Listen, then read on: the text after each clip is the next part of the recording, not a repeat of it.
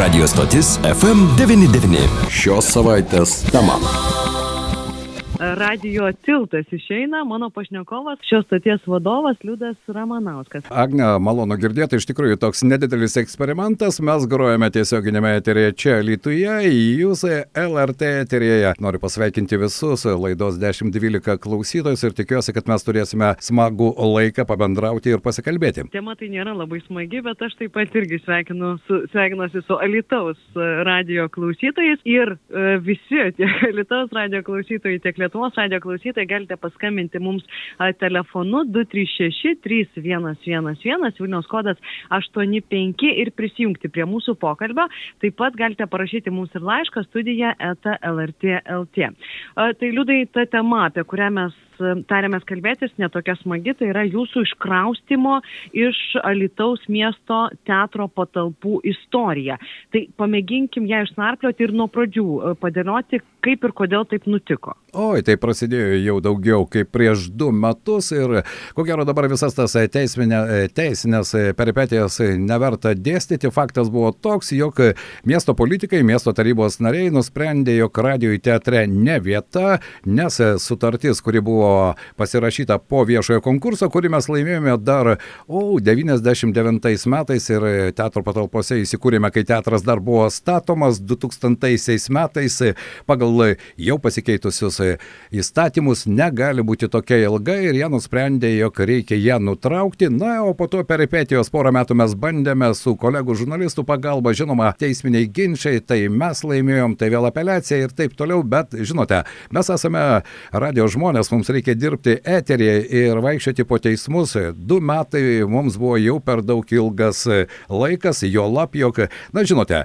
teismuose ginčytis su savivaldybė, kuri turi visus administracinius išteklius, finansinius biudžeto išteklius, vis dėlto yra sudėtinga. Tai savivaldybės pagrindinis argumentas buvo, kad sutartis yra per ilga ir dėl to ją reikia nutraukti. Taip. Teisingai supratau? Taip, oficialus buvo toks ir tarybos posėdėje, kuriame buvo priimtas toks sprendimas, buvo pateiktas alternatyvus projektas, bet tarybos narių e, reikiamas balsų skaičius balsavo, kad sutartį reikia nutraukti, skelbti naują konkursą. Na, o konkursas vyko labai greitai ir vyko pandeminėmis sąlygomis. Ir čia, atvirai sakant, man kilo tam tikrų abejonių. Į savivaldybę įeiti nelabai buvo galima. Viešasis konkursas, jo rezultatai paaiškėjo tik po pusantros paros. Na, žinote, begalė tų biurokratinių dalykų, bet galima pasakyti, kad juk viskas remiasi turbūt įstatymais ir savivaldybė žinojo, ką daro. O tai jūs tame e, konkurse dalyvavot ar ne? Taip, mes dalyvavome, pasiūlėme mažesnę kainą negu kitas pretendentas, sporto klubo savininkas ir oficialiai mes pralaimėjome tą konkursą. Nors sakau, man asmeniškai šiek tiek e, kilo abejonių dėl pačio konkurso rezultatų paskelbimo, na ir savivaldybės tam tikrų darbuotojų, tarnautojų požiūrio į šią visą istoriją. Ar nėra taip, kad tai gal nežinau susijęs su jūsų veikla ir pagrindinis argumentas vis dėlto, kuris nebuvo įvardintas susijęs su tuo, ką jūs darote, o ne su sutarties ilgumu ir panašiai. Be jokios abejonės, tai buvo tik juridinis e, pagrindas arba pretekstas. Be jokios abejonės, per 30 metų dirbdamas e, žurnalistu, ko gero nesu vien tik tai radio žurnalistas, aš visais laikais aktyviai dalyvau visame visuomeninėme miesto gyvenime, nes tai yra mano miestas ir aš nebijau tai garsiai pasakyti, begalė įvairiausių idėjų buvo ir e, nuo kultūrinio iki galbūt socialinio ir politinio aspekto, bet kažkam tai nepatiko, na ir štai mes turime tą, ką turime. Šiandien, Agne, kalbamės iš mūsų mažos improvizuotos studijos, nes studijos darbai įrengimo dar tęsiasi, bet svarbiausia, kad mes eteriai ir galime bendrauti ir su jumis, ir su mūsų klausytojais, ir su LRT klausytojais. Labai smagu, kad jūs taip optimistiškai nusiteikęs apie tą jūsų improvizuotą studiją ir persikraustimą dar būtinai pakalbėsim.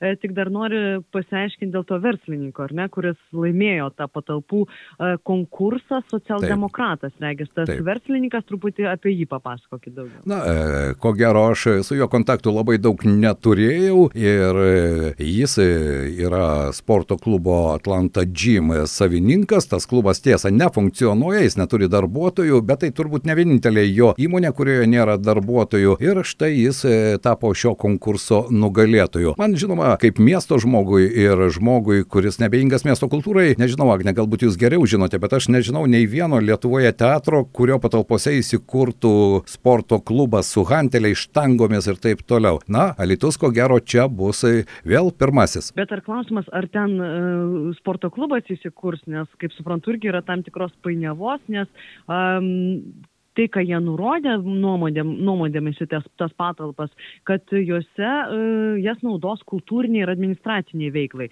Tai regis, tai kultūrinė ir administracinė veikla nėra sporto klubas. Na taip, bet tai konkurso laimėtojai yra sporto klubas. Kokią jie veiklą vykdys, sunku pasakyti, be jokios abejonės. Nes, žinoma, tuos porą metų mes su konkurso laimėtoju nebendravome. Mums teko su juo pabendrauti tik tada, kai jau baigėsi visi teisminiai nagrinėjimai ir sausio 6 dieną radio stoties 29 gimtadienio proga mes sulaukėme jo svečiuose. Ir ką jis atėjęs jums sakė? Kad viskas galima susitarti, reikia kalbėtis, reikia kalbėtis, bet turi būti abipusė nauda. Na, žinote, kalbant apie naudą, na, man tai priminė šiek tiek prabėgusius 90-mečio laikus.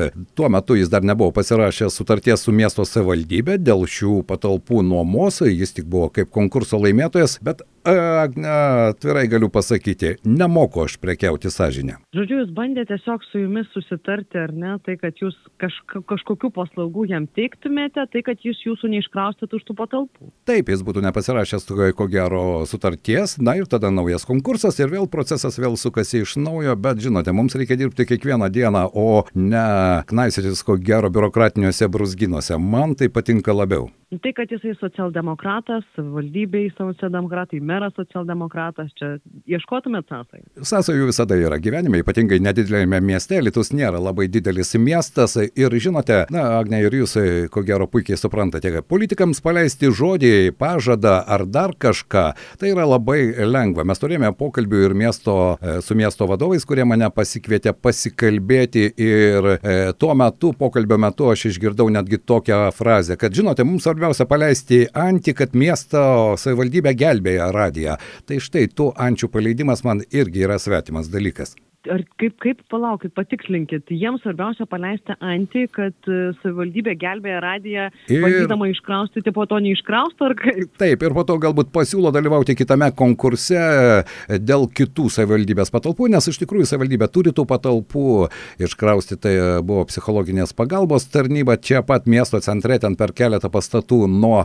mūsų buvusios vietos. Tai štai 24 sausio mes turime įsikraustyti, ten konkursas 27 dieną, na, na, aš retoriškai paklausiu, tai radijas tris dienas turi transliuoti nuo šalygatvio. Tai žinote, na, visą tai patys suprantate. 236-3111 Vilniaus kodas 85, kalbame apie Lietuvos radijos stoties FM99 iškraustimo, persikraustimo e, istoriją. Mano pašnekovas yra šios stoties vadovas Liudas e, Ramanauskas. Tai dabar apie tai, kaip jums sekėsi persikraustyti per dvi savaitės. Tikrai tie, kas išmano bent kiek radijos stočių reikalus supranta, kad tai labai sudėtinga užduotis. Praėjusį penktadienį 15 val. nuskambėjo paskutinės mūsų žinios, mes iš studijos išleidome paskutinius gyvus svečius ir štai 15 val. 10 minučių mes nutraukėme transliaciją, o 17 val.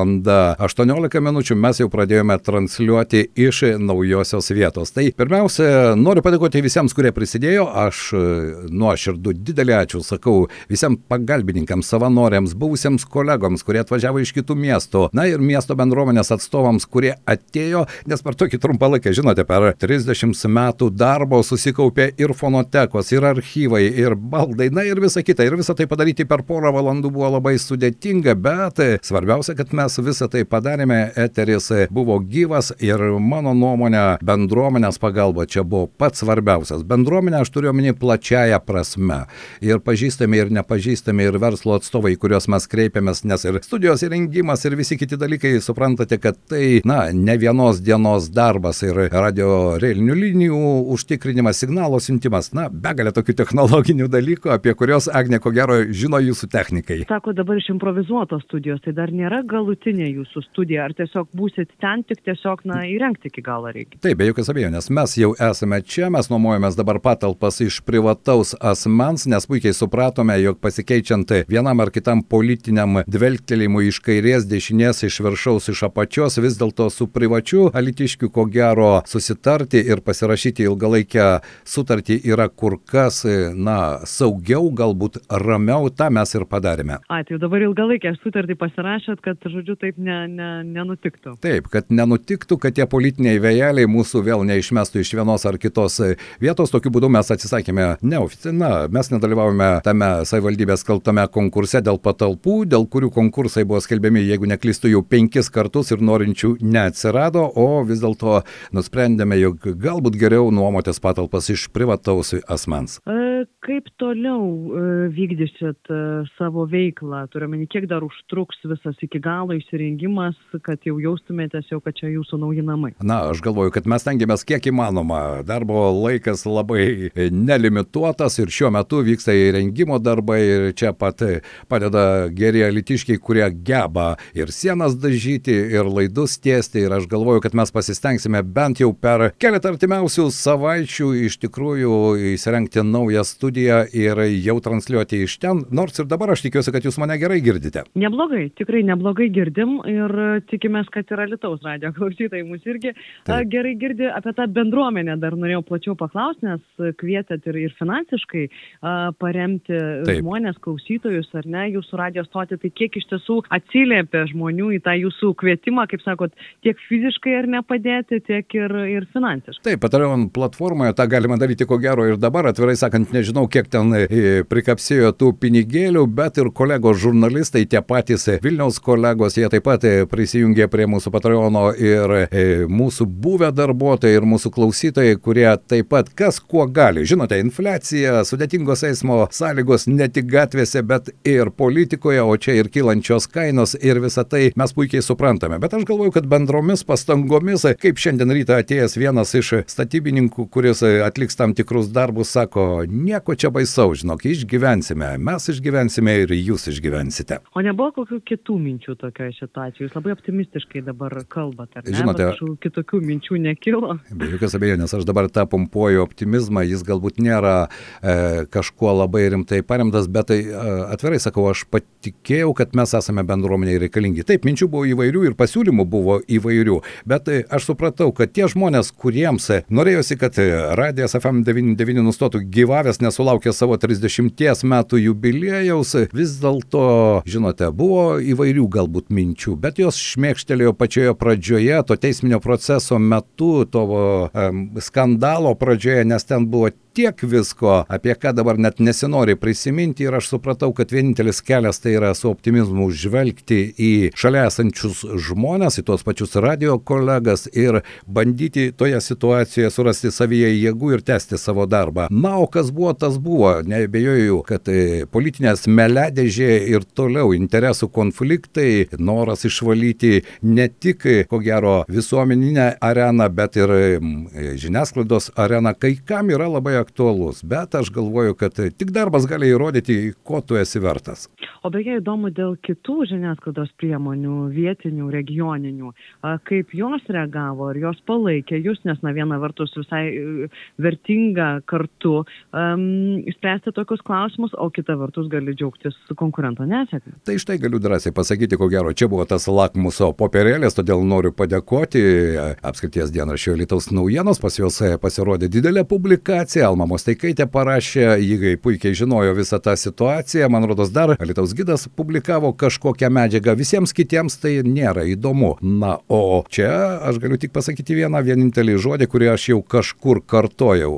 Su 30 metų patirtimi aš nenoriu būti mikrofono stovu, aš noriu būti žurnalistu, kuris galėtų paklausti vienoje ar kitoje situacijoje valdžios atstovų. Bet dėja, Agne, ko gero čia irgi atskira tema apie regioninę žiniasklaidą, aš jums galiu atvirai pasakyti pasakyti. Du metus mes negauname jokios informacijos iš miesto savivaldybės. Absoliučiai jokios. Nei apie spaudos konferencijas, nei apie vizitus, nei apie susitikimus. Mes esame išeliminuoti iš to žinia, e, žiniasklaidos lauko, bet mes turime dirbti ir mes dirbame. Ta prasme, jie jūs ignoruoja, nesiūsdami jokios informacijos apie savo veiklą. Absoliučiai. Mes gavome vieną sveikinimą, neprisimenu kuriais metais vasario 16 progą, na, o kitą ko gero prieš Kalėdas. Tradicinį internetinį sveikinimą, na, elektroniniu paštu. Viskas, visa kita kol kas mums yra nežinomas laukas už ribos. Tai jų, jie nesiunčia jums savo iniciatyvą informacijos, o tada, kai jūs iš jo, jų informacijos turite įstatymą reglamentuoja, kad jie privalo tą informaciją pateikti. Be jokios jie abejonės.